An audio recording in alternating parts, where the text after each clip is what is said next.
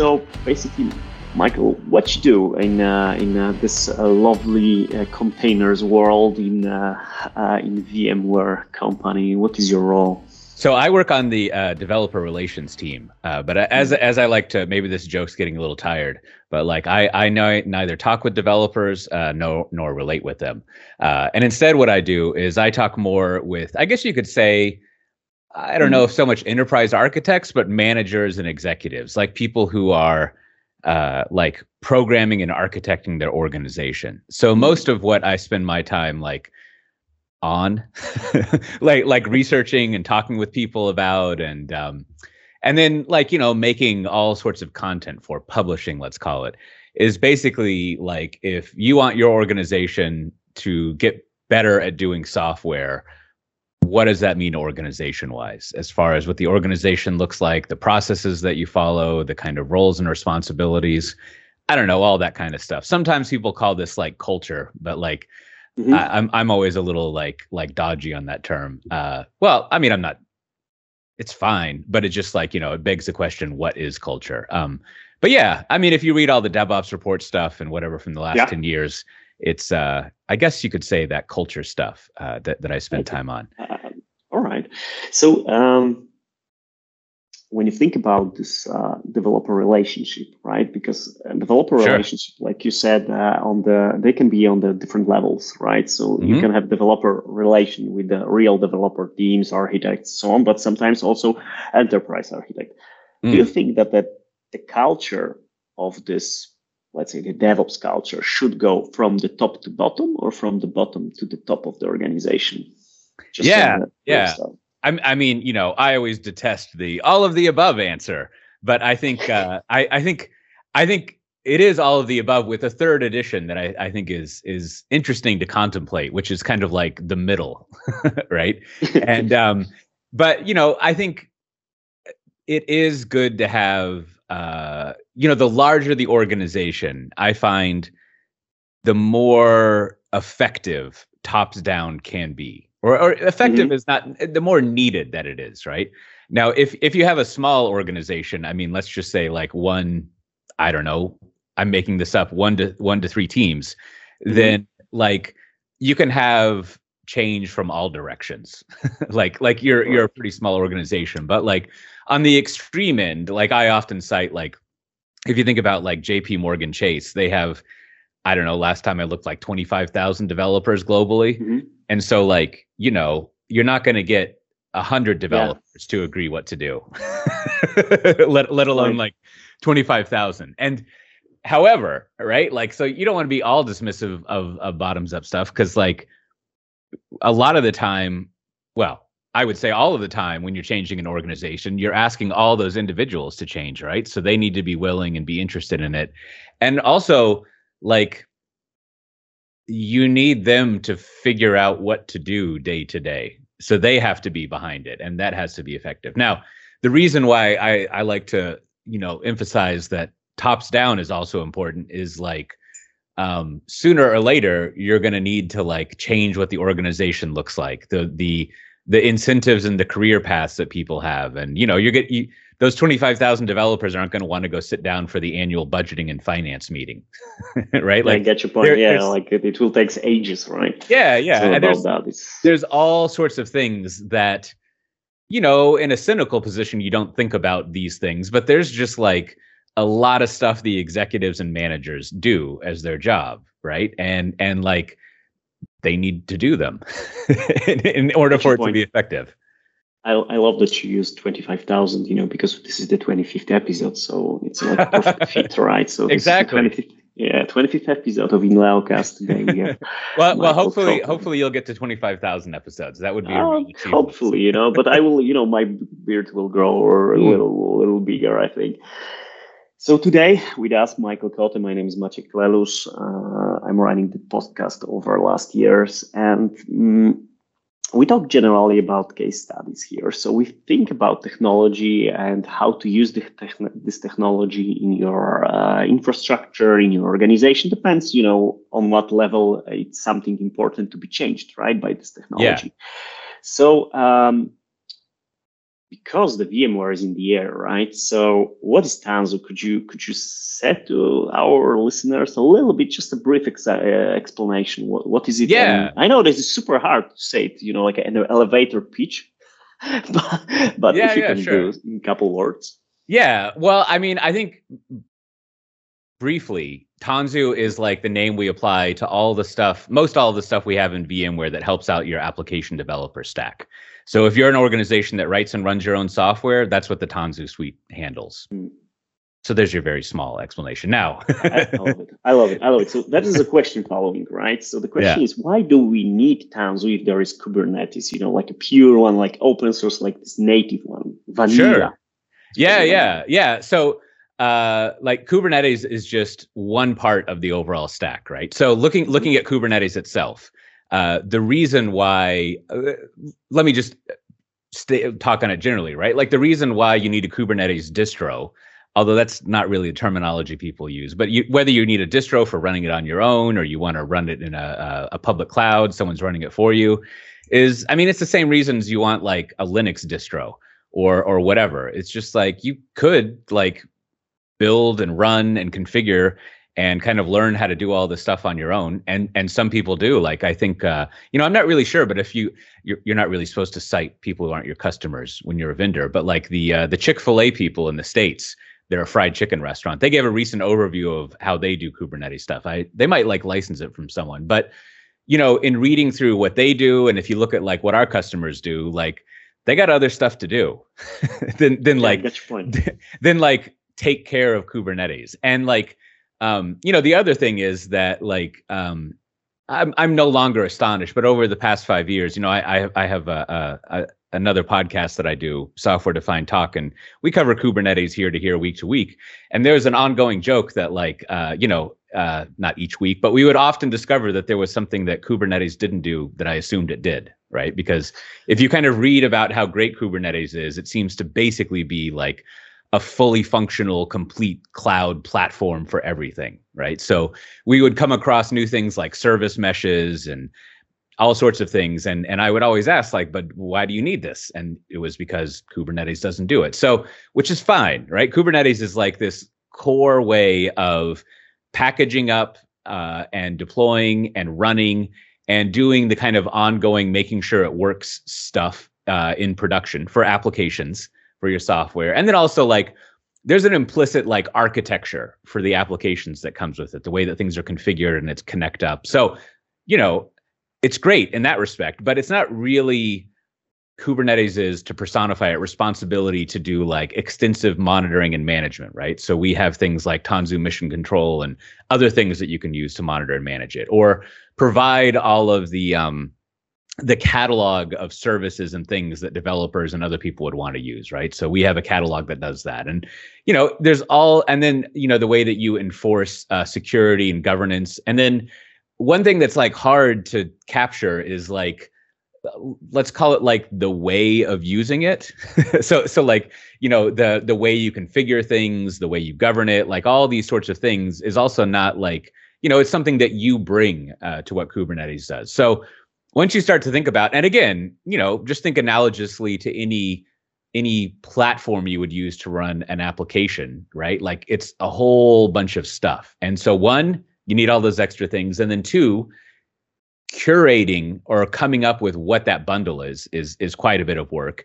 And then three there's like the ongoing taking care of it right? And like yeah, n- knowing year to year like what's in that bundle? How does it get configured yeah, together? Yeah. so forth and so on. Um, and then so so that's the kubernetes part. And just to like the other parts of tanzu you know you know if you're interested have a lot more to do with application development and supporting what developers do in, in organizations all the frameworks that they use the tools that they have all of those sorts of things. And it, that's why i say it's like our application stack stuff, right? Like Tanzu isn't like just one thing that you install. It's just the the the name of our collection of again, if you're doing custom software, you're writing it and running it, it's Tanzu stuff in in VMware land.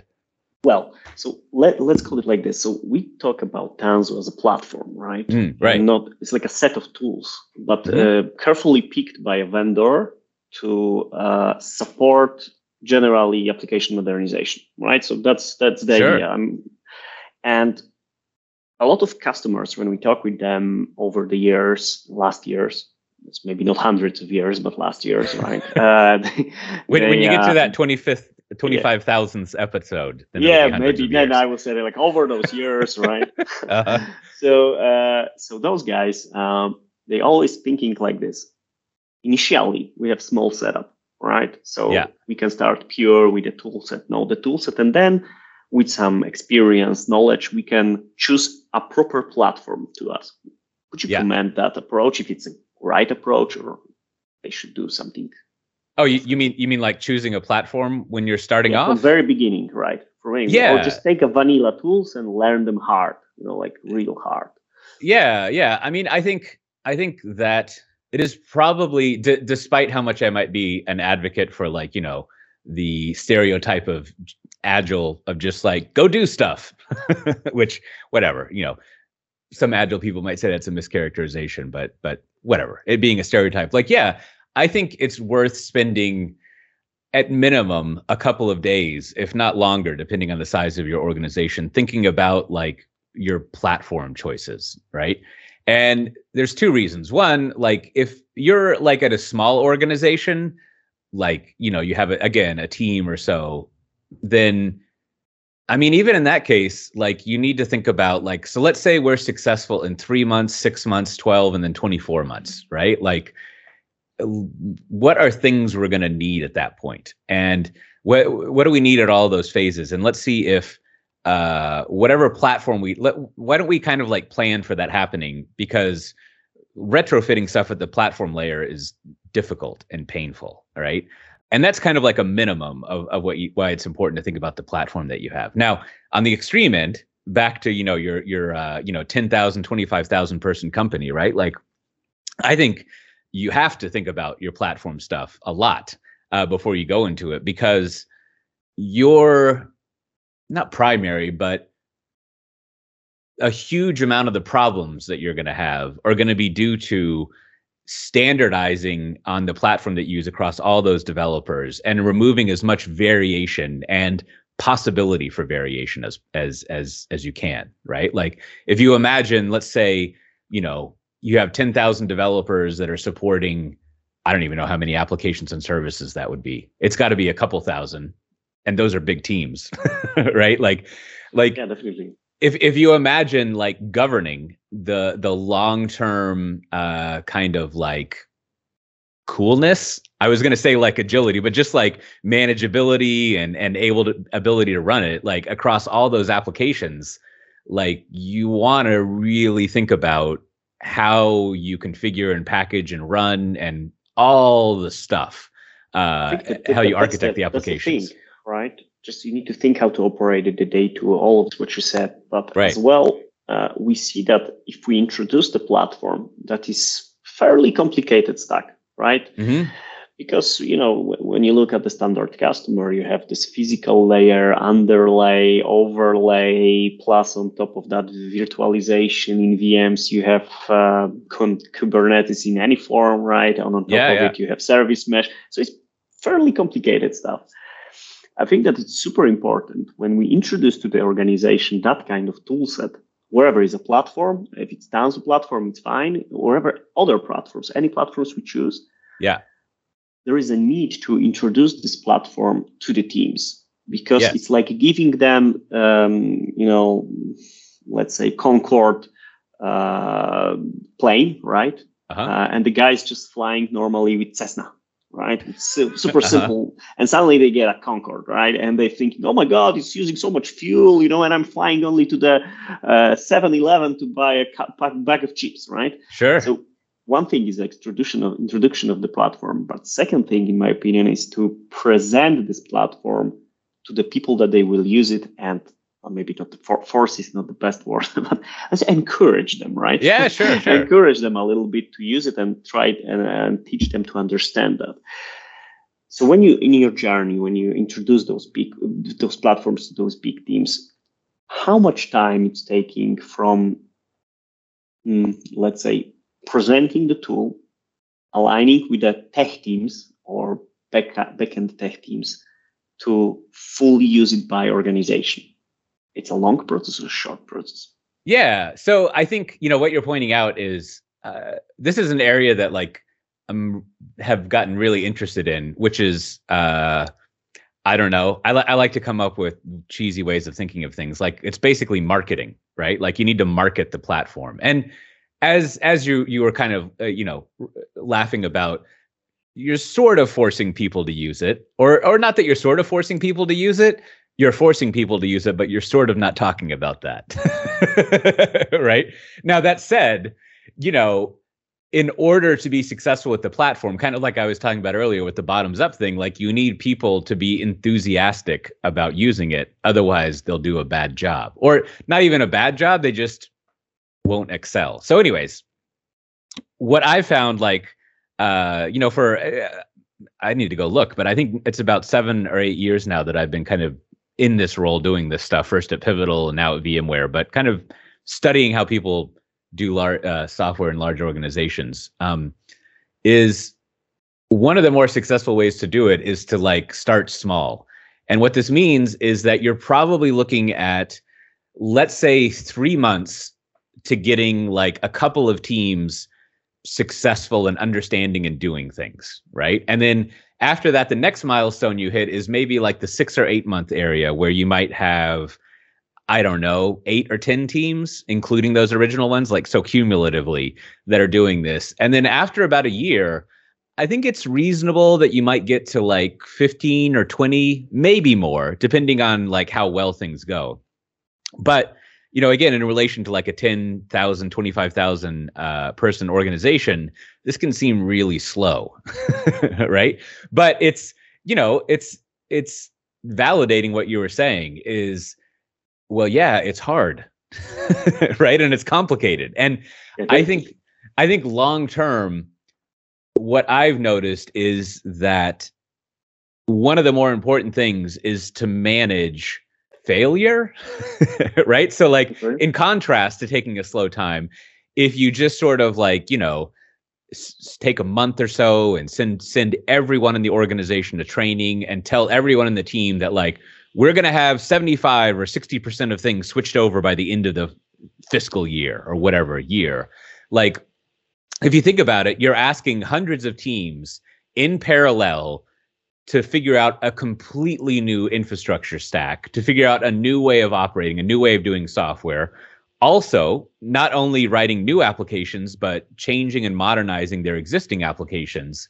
And so you have hundreds of possibilities of failure in many different ways mm-hmm. that then you're going to have to disentangle at the end. So instead, what I always recommend, because it's what I've seen happen, is that like you start with one team with this complicated stack and you then you go to two teams and three teams, right? And what you're doing is you're learning what that stack is, not only how to use the stack, but what the good stack is for you, right? And if you're conscious of, and uh, humble is the wrong word because this is it's the right way to go about doing things if you are realistic about the fact that you're learning as you go then i think after that 6 months after that 12 months you're going to control that risk of failure a lot more because you know better what you're doing and I, so so i think i think like what i tell people is like after a year you're going to be have done a lot less than you think you uh you you will have done which will be great uh, because you'll be a lot smarter than if you had uh, done more uh, in a year. All right, but uh, when you think about ready to use platforms instead of vanilla solutions put it together, so the learning curve for sure is easier for platforms, right? Mm. But uh, is it deeper? If if it's easier to introduce something that you deeply understand because you need to understand because you configure it all or it's uh, easier to introduce it or less challenging introduce the platform to the organization when you have ecosystem around it how how you think yeah it? yeah i mean i mean i think so i think the, let me i mean to get to the the the end of my thought here the less you want to or need to customize the stack to how your organization works the easier it will be. And and and the faster you can move right? And um, I mean, this is something that you you know one of one of the platforms we have is uh, based on Cloud Foundry, the as we call it now, the Tanzu application service. Um, and this is something that we had, you know, kind of like before Kubernetes came to sort of dominate the container space, and lots of people still use it now to effect, uh, you know, and and and they like it, but that's an example of there is not much ability to customize things when you use Cloud Foundry, when you use the Tanzu mm. application mm. service. And what happens there is that yes, very rapidly, like people can start developing because it's all integrated there, right? If you imagine um, using a platform as a service, uh, you know, part of it is that you don't have a lot of choices right? Like and and and it, so what you have is a big simplification a big standardization with as you were saying an ecosystem around it. So for example if you look at uh, the kubernetes way of doing uh, the tanzu stack right where mm-hmm. you build on top of you know tanzu kubernetes uh, tanzu uh, for kubernetes operations and the tanzu application platform and then on top, if you're doing, if you're following using the Spring framework, if you're doing Java applications and you're writing Spring Boot apps, like there is an out of the box way to do all of that uh, that you can start doing things rapidly. But it's been my experience that the larger the organization, for better or worse, hopefully for better, people really want to customize and tinker with things, right? Like they have, I mean, just to choose like a, a one that seems to come up all the time everyone has their own exciting way to do certificate management.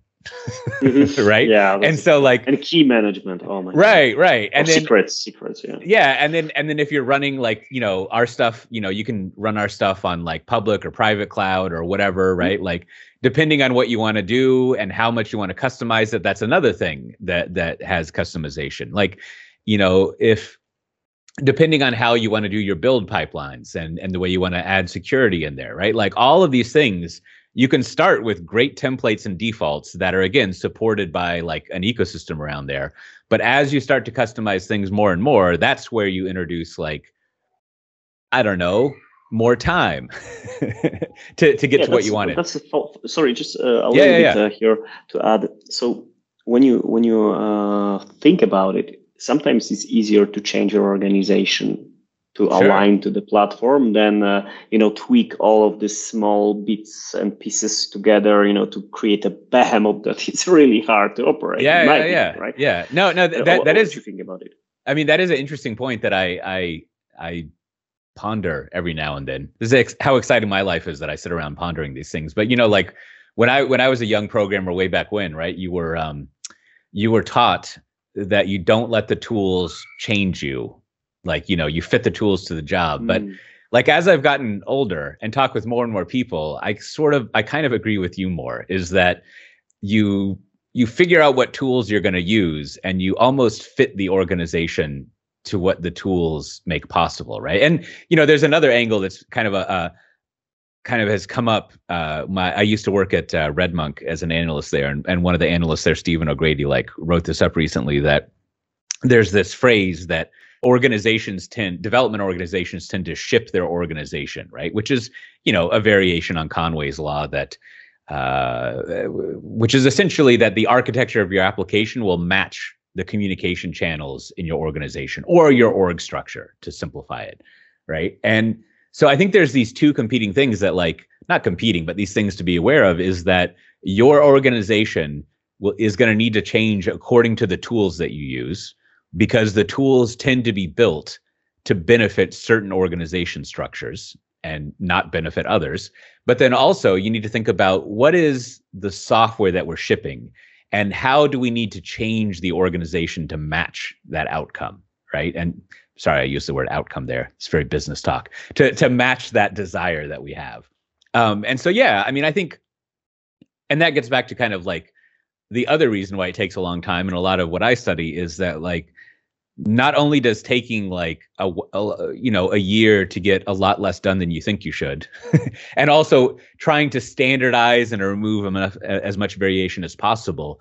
But the other thing why it's important to be up for learning and experimenting with what's going on is that kind of as I alluded to, also you're going to be ref- refactoring is a fun word to use, but you're going to be reprogramming and rewriting the organization itself hopefully right and hopefully, exactly right and th- that's also why why you know from kind of like I don't know how you want to think about it, but kind of the enterprise architect to the the the the low level executive to the high level executive, like they need to think about their role as being programmers of the organization, right? So in the same way that a good programmer will kind of come up with a theory, write software to test that theory, observe if it solves a user's problem, and go you know go through that cycle like executives, and I use that term very loosely, right? The people who are the programmers of the organization, they need to go through that same loop because just as with the platform, as as you were rightly pointing out earlier, right? When it comes to people and processes, there's an a very very well proven out documented ecosystem and understanding of how you do it.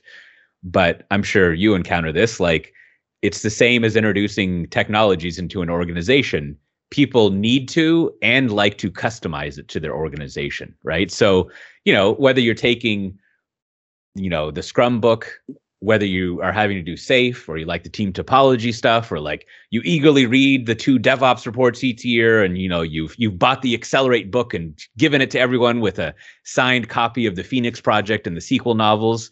Like what you'll find is that within your organization, you need to customize those technologies, you know, those thought technologies, to steal a phrase.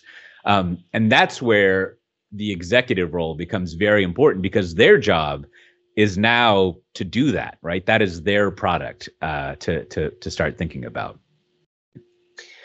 You know, I'm, I'm thinking like uh, when you when you entering to this world of new platforms let's say a new containerization platform that you go beyond your vm deployments right? And you start to use the right. modern apps platforms. Uh, wherever it's you in your um, let's say data center or in the cloud uh, you need to as an organization or you should start to think about the user as not only the end user right? So there are many users of your platform so many layers and how you can give us a tip uh, to to me to our listeners what kind of uh, how, we can make our organization understand uh, the model that we want to present to them or you know like align to this model right on this all levels? Because like you said we have um, executives let's call it. We have architects on different levels so more solution more enterprise. We have system admins right? We have DevOps guys, wherever that means, right? And we have sure. the uh, and we have uh, the developers, right? So in this stack, who is the end user? Because I think it's not so easy to be. Yeah, defined. yeah, yeah. So th- this is this is a, a a fun conversation to have with infrastructure people, and and just like you know, as I kind of alluded to earlier, like I'm I'm I grew up as an application developer, so you know, not an infrastructure person. So pardon me if I'm like lumping together big, small, a bunch of small categories into one thing. But like, you know, you're you're you're pointing at an important thing, which is to think about every, every individual or group, right? That kind of stack you were saying. It's important for them to think about who their who their customers are, right? To put it in a commercial way, who who their users are whatever right? Like there's the term stakeholder but stakeholder usually means like your ancillary concerns like security and governance and, and things like that which which is fine but i'll use the word customer right? And so let's go back to infrastructure people. So uh, you know working at vmware i frequently find myself in in a conversation with I mean, the, the one I think about most frequently, you know, there was like 12 people who were at various infrastructure roles at, at, a, at a big bank. And their job traditionally has been to stand up and provide infrastructure and also to support like the process by which um, developers get infrastructure right? Like typically like you know traditionally this means like filing a ticket and most many people nowadays have a pretty good self-service way of doing it right? Like it's not the stereotypical ticket stuff. So but in that in that view right their customer is a developer but they're not doing all they can to help developers out, right? Like, mm. which I think historically has been fine because the infrastructure people haven't been able to easily and affordably do that, right? Like, it took all of the effort of infrastructure people to just get VMs and now containers and, and Kubernetes clusters to developers. But, you know, I think in the past, I don't know, like I just make up these numbers, three or so years, like like more years, but it's be- providing raw infrastructure if you don't customize it and build it on your own is pretty easy. And so what this allows infrastructure people to do, kind of as you were as you were uh, alluding to a little bit, is to think about how can we solve more of the problems of our customers, the developers, right? And the first sort of technology, like mine technology, that's required, is to instead of in a classic way of, of IT, sort you think about providing services right? Like you are shipping an, an image or a container or you're setting up a service for someone to use. But instead it's good to think about uh, i am shipping a product to a customer. And the way that's important is the, the distinction makes it important is that when you start thinking about developers as your customers instead of just sort of like guaranteeing that your service is good and you've provided them what you want what they need Instead, you start thinking about how can I solve more problems for the customers, right? Like how how can I make their experience better? So what this means is that once you've solved the infrastructure problem, you start looking at all the things end to end that developers do to get the so- software um, out the door. They don't really get it out of door anymore, but you know to get it into production. And if you're if you're doing you're kind of product managing this platform, you start to find basically, you know, the bottlenecks, the things that take a long time, or the things that have low quality, right? Um, and very frequently, what this amounts to, just to give one example, is like uh, the whole build process usually takes a long time, right? Like within within the development team, uh, there's probably a lot of local optimization, and developers can probably do everything on their laptop more or less. But then once you hand it off to the rest of their process, it probably takes a long time, right? So, you know, that's an example of like the infrastructure people can start like thinking about, well, how would I fix that? Um, and on and on and on, right? Like you you kind of keep finding things iteratively that uh, to make your product, the infrastructure you're providing, uh, better. And um, yeah, I mean, I think as far as like, I, I think I think you're also asking about like you know spreading this uh, through the rest of the organization and and you know getting getting people to be aware of and think about it. I mean i think there's two things like and it kind of goes back to the marketing i was talking about like another reason why it's beneficial to start small with just a handful of teams is that very purposely up front and again this is a role that i think executives need to take is you're building up your case studies your proof that things work your stories about a new way of working so that not only you can explain and kind of train to the rest of the organization as you kind of roll this out, but that you can build trust that it works, right? Because you'll have all sorts of vendors like us and our competitors coming in to tell you that like we've got the best idea and you should do things our way. And then you have also all the DI the people who do stuff on their own on the internet. And then also internally, you've got a lot of voices saying this is the way that we should run IT and this is the way that our organization should look and ultimately like you need to build up your own proof and your own trust of how things are going that that works in your organization um, and start to to to market that more and more but you know I think I've derailed your question with my talking here. I, I no, no, no. I'm just. I, I, will just uh, come back here. Uh, yeah, yeah. thing. So, um, you said on the on the very beginning of our conversation that this change needs to happen in the middle. So, yeah, it's like a continuation right now of this thought that okay, you cannot start from the infrastructure. You cannot start from the executive level. You need, you cannot start from architecture. You just need to start somewhere in the middle because I understand to choose platform like this yeah. to modern all the processes in the company in the end, right? In the end, if you will refactor them, they will be remodeled, right? Mm. And to change organization, to choose a proper tool, you need to have very wide scope and very mm. wide view. Yeah. And uh, so who is the person or who should be the person who will make the decision? About about the tool to use? So yeah, just just broadly put? Yeah. Yeah. Well, first of all, it's an intriguing like like thought exercise that you need to start at the middle that, that you brought up there. Mm-hmm. I'll I'll have to think about that. I don't think anyone ever says that. but but you know, thinking through it, like there is there is a common pattern that happens where there will be you know as as as we would say like a champion like a, a fairly high level mm-hmm. executive who has been given the mission, you know, from all the way to the the CEO or the director or whatever, you know, and the board to like make things better. right? Like yeah, he's like, a stakeholder basically. right. Yeah. Like do the digital transformation. Right. And Woo. what what I've seen happen frequently is um that that executive, that champion will kind of go down somewhere in the middle and pick a project or two and say, all right, we, you know, we're going to do this one project in a new way, right? And see how that goes, right? And this, this is the team that over that, like, you know, six or 12 months, we're going to expand from here how we're doing things. Like we have one example uh, from from a while back that that comes to mind where um, T-Mobile USA like they wanted to start doing things in a new way and they found the one team that does like this one service call to see if i remember correctly how much usage each customer had per month right which is mm-hmm.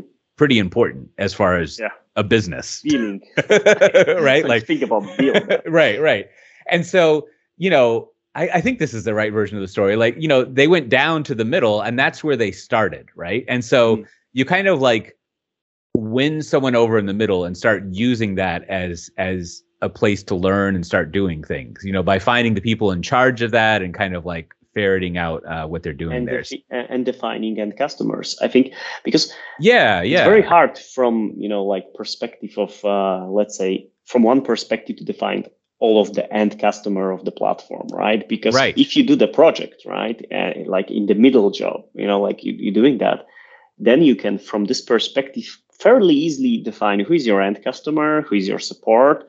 You know, yeah. like definitely map it on the RACI, RACI matrix, right? So responsibility, accountability. Because huh? when you do it on the global scale for entire organization, you end up with a behemoth model that nobody understands. That Excel, it's it's created usually in Excels and they look terrifying. right, and, right, right. And, and when you when you when you go through it, then it's easy to understand because what, what I want to point out with this question, I'm curious if you agree, that when you are infrastructure guys, for example, it suddenly appears that the developers are not users, they are end users. I, I think right. that this change, it's it's it's changing everything dramatically. Because usually, you know, when I, I'm from infrastructure part going in. So we thought, and now I can say it, over all those years, right? That the end user is, for example, somebody from finance, or end user is a guy who's sitting in the front of the computer and using our service, right? So everything what was done, it was done to achieve goals or KPIs related to that relation. So everybody else was just the support to achieve that target. And then, you know, yeah. over those years change and we start to think that okay, we have as well end users inside the organization. And those users are equally important because they bring in- intellectual property, they build stuff. So maybe we're not supposed to think about them as uh, you know just just simple users, right? that they have yeah. lower lower uh, permissions wherever. Yeah, no, I, I I like the way you're putting that, right? Like it's it's to make a distinction between a user and an end user, right? And and then also, you know, I think I think an important phrase you said there is that they are equally important, right? Because I think to to to agree with you by like explaining it, you know, adding on some explanation, right? Like I think it's it's kind of like attractive to no matter where you are in in the the stack to talk about, you know, I I am doing this work for the the end user customer, right? Like the you know there's there's the the anecdotal thing that like when uh, I forget who it was, but when some U.S. president asked a janitor at NASA like what their job was, it was like to get you know to get to the moon, which is like yes, th- that that is that's your job, goal, right? right, right. But but then you know the the the more detailed answer is exactly what you're saying is like and to do that there are multiple layers of end users that i go through right like so i have end users here who like you know need a clean organized area or, or whatever i'm, I'm going to drop the janitor analogy because i don't actually know what janitors i'm not a janitorial expert yeah. Uh, but um like i think going to the infrastructure people that's that's right is it's almost like there's an ordering of the customers that matter and their first customer are these developers right? And they hope indirectly to affect like the actual customer of the business or the citizen working with the agency or, or whatever. But like i think there is a significant shift that comes when you are worried about making the developers successful instead of just giving them the tools exactly. that they asked for or that the organization yeah, told you exactly that somebody told you.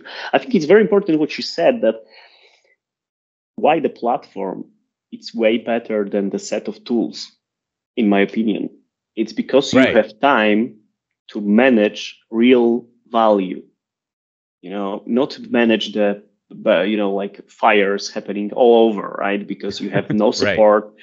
you have you have only yourself. And you're usually people who are doing that they are super smart but very often they don't um, respect their own free time and let's say yeah. well-being right so they, they will do everything for the company it's like amazing but sometimes it's like auto-destructive as well both for the company sure. and for those guys right and uh, I think that's why why I'm moving around this platform because it's very important what you said, in my opinion, that when you have a decent platform, you have space in your mind to think how to use it instead of repair it.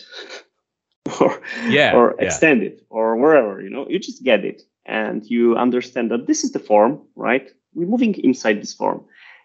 And i'm agree with you that the shift is happening because till I know a couple of years ago, we could do wherever we want, and everything was accepted by the business, by the end users, users, wherever.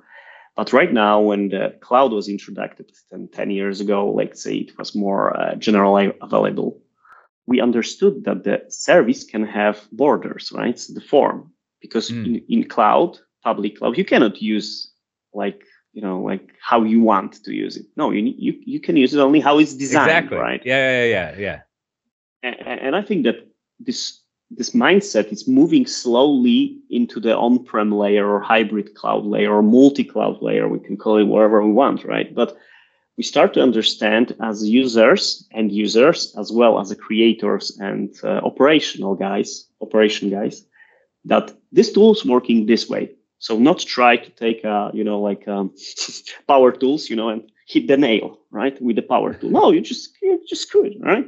Exactly. So it's simple. And my question here, with your experience, the shift is happening during the process of introduction of new platform, or it's happening. It needs to happen before that to have a hmm. success. Mm. Yeah, yeah, that's uh, yeah. That is, that's a that that's an interesting question. I mean, I think, yeah. I, I mean, first of all, like what you're just going over there is is I I agree. Like, and so you do it before like i don't know i'm gonna i'm gonna fall back so so mm-hmm. that you know no one wants dead time in a podcast. No worries, no so worries. i'm i'm gonna fall back on like a default answer that i would have here and and kind of explore that. And that is that i think that tools are incredibly important right? The technology you choose to use is very very important to how you go about doing things. And so I think that said, I think there's a mindset shift that you are highlighting that I really liked that I haven't thought about this way exactly that you have to go through. And that is that probably forever, but at least for a long time, the infrastructure people need to think about freeing up their time, right? And they almost need to think if we are spending a lot of time as as as people would say you were saying firefighting right? Like and just like mm-hmm. you know there's one view of like the classic star trek stuff that scotty was a terrible engineer right? Because everything was always breaking and he always had to go fix it right? And so like clearly this was before there was the idea of like systems thinking where it's like you know, we need to figure out how to not have the ship breaking every episode, right? And yeah, so, like, nice. mm-hmm. exactly. That wasn't always his fault, but whatever. Uh, and um, so, but the infrastructure people should take some time to think about we need to free up our time to work on this platform, right? And I think getting to that point, I mean, this was like first kind of surfaced as an idea in a major way back in like 2007 or so when the chef and puppet days. There's this great O'Reilly article about the difference between, uh, you know, successful online companies at the time and other ones was that they had automated a lot of their infrastructure, so it took them a small a smaller amount of time to deploy their software. Um, and that's kind of the mindset shift that I think you need to get to first is that we want to automate as much as possible because we don't want to spend a lot of time on just as as, as site reliability engineering people would say toil right mm-hmm. and so i think what that that um, guides the way you think about the next step which is tooling right and so instead of thinking about tooling as like, is this the toolbox we infrastructure people need to build exactly. the infra- the infrastructure that we want? Instead, you think about what tooling and ways of operating it can we get that will free up as much of our time as possible, right? And you know, it's fair to say that as a vendor who wants to sell you this kind of stuff, I'm biased here, but whatever. I don't think that makes my claim here incorrect is that that encourages you more and more to just get pre-configured integrated stuff instead of building from a bag of parts on your own right and so that's why I start from the middle right right and, and, and then back to your original question like i think very early on yeah it's important to like start with the tools and kind of go through the tools and test them out and see if they are achieving that goal of freeing up your time um, now i mean i'm sure there's like three to 15 other ways of like analyzing stuff and thinking about it. But I mean, I think that's a pretty, as you were kind of suggesting, uh, like a pretty good way of starting out is just like, how can we start, stop running around all the time? And how can we find a tool that, that helps us do that? Coming back to this idea of starting in the middle of with the decision on what uh, platform we will choose, or we go pure open source, or we go for a platform uh, as a service at public cloud, or we invest, for example, in Tanzu, in, in uh, all of this uh, setup. I think that the important part is a developer relations kind of world right now. It's very, very hype. It's making a lot of hype right now. So DevRel, right? I think that DevRel should be a team of people, you know, should be a bunch of people from different parts with a good stakeholder who can choose wisely and make this decision. And then present this to their own, right? So infrastructure guys, why it's good, tell to their own people, developers to their own. We we don't see much that of movement. More or less seeing like, okay, this is the platform, let's use it. yeah. And this is kind of, you know, like I want to use it. Nobody asked me that I like right. it, right?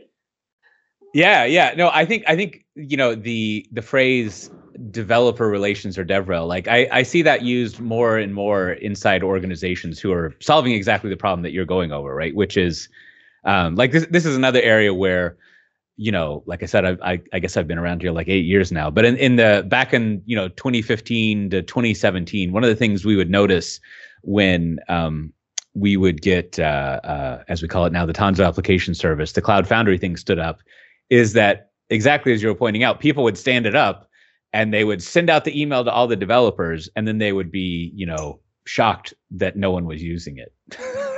right and and and what these organizations found and what's been rolled into kind of like the kubernetes era of building application development stacks like you know the the the addition of all the tanzu stuff is that I generally recommend that right from the start, it's a good idea to dedicate at least one person full time to this developer relations role, right? And you want this role to not just be like the solution engineer, DevOps engineer, people who are kind of like going over not only the, the training of it, but also kind of like crafting those tools but this, let's just call them the, the internal DevRel person. The DevRel's job is exactly is, is only what you were pointing out, is to just raise awareness and interest. I mean, this is what my team does.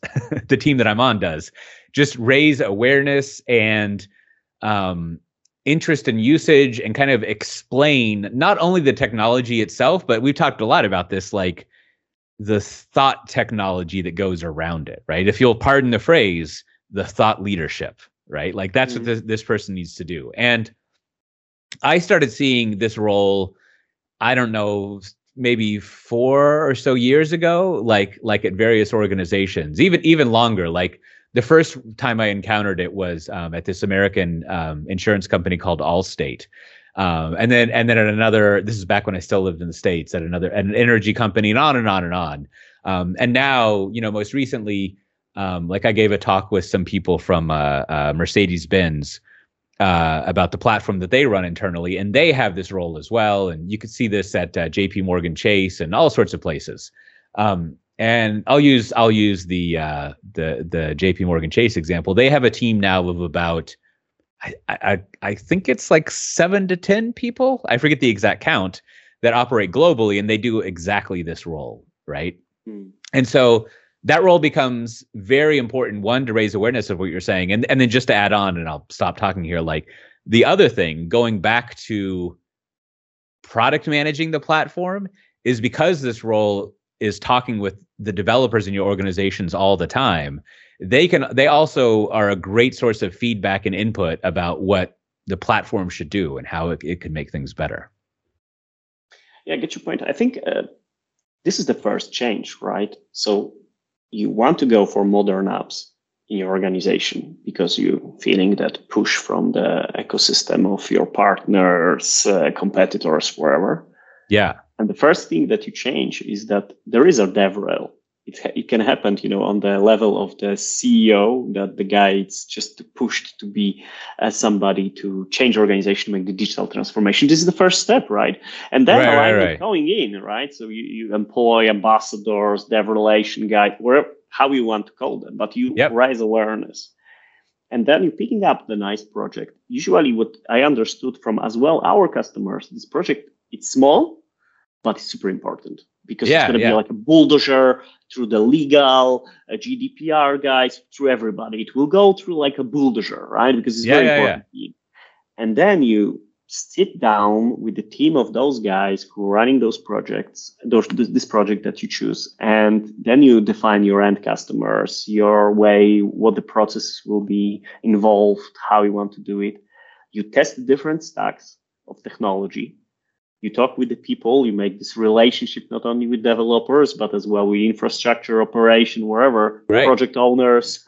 it's like relation management here. And then you choose wisely the, the, the, and then it's a big chance to get a success, right? So that's the approach that uh, I understood from our com- uh, uh, conversation that it's a, let's say, well known and probably successful model if you will manage your risks right? And you will be aware of them during it, right? Totally. That you will not close your eyes and like, technology is awesome. Let's go. right, right. No, no. I, I think your, I think your, your, your summary there is great, right? Like as, as I've proven, it's hard for me to be concise.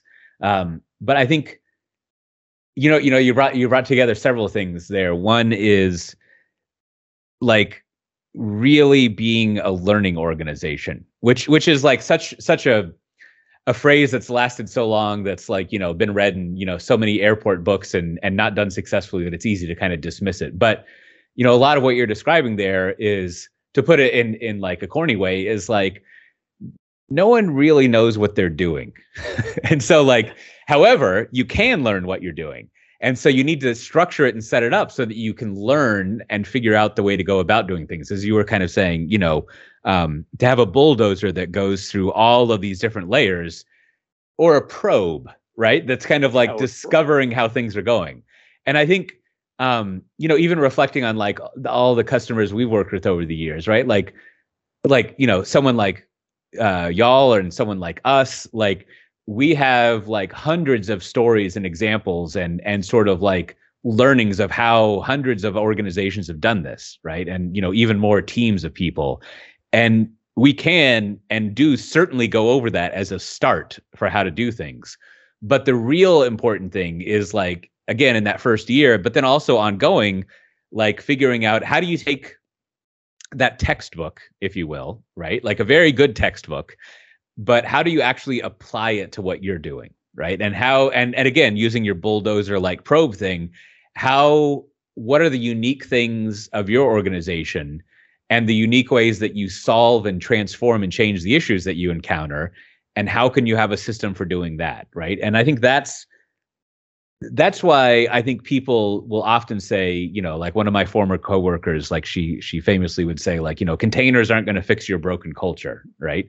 Which which I think is true, right? You know, uh, my my my you know addendum to that is like, but you are also going to need containers, right? Like it's kind of going back to the thing that like maybe it's it's going to ignite that, right? Right, because right, sometimes right. Sometimes when you're sticking into some model for many years, then some igna- igna- ignition, ignition. I don't know how to say yeah. that, how, but something from outside yeah. that it's uh, yeah. that uh, that make you um, make you do it better, right? So at least try. Michael, thank you very much for this sure. conversation. It was really mind opening, and uh, thanks for your time. This was the 25th episode of InLeoCast, and uh, Michael Coté was with us. Thank you very much, sir, and have a great day. Sure. Yeah. Thanks for having me. It was fun. Yeah. Thank you very much.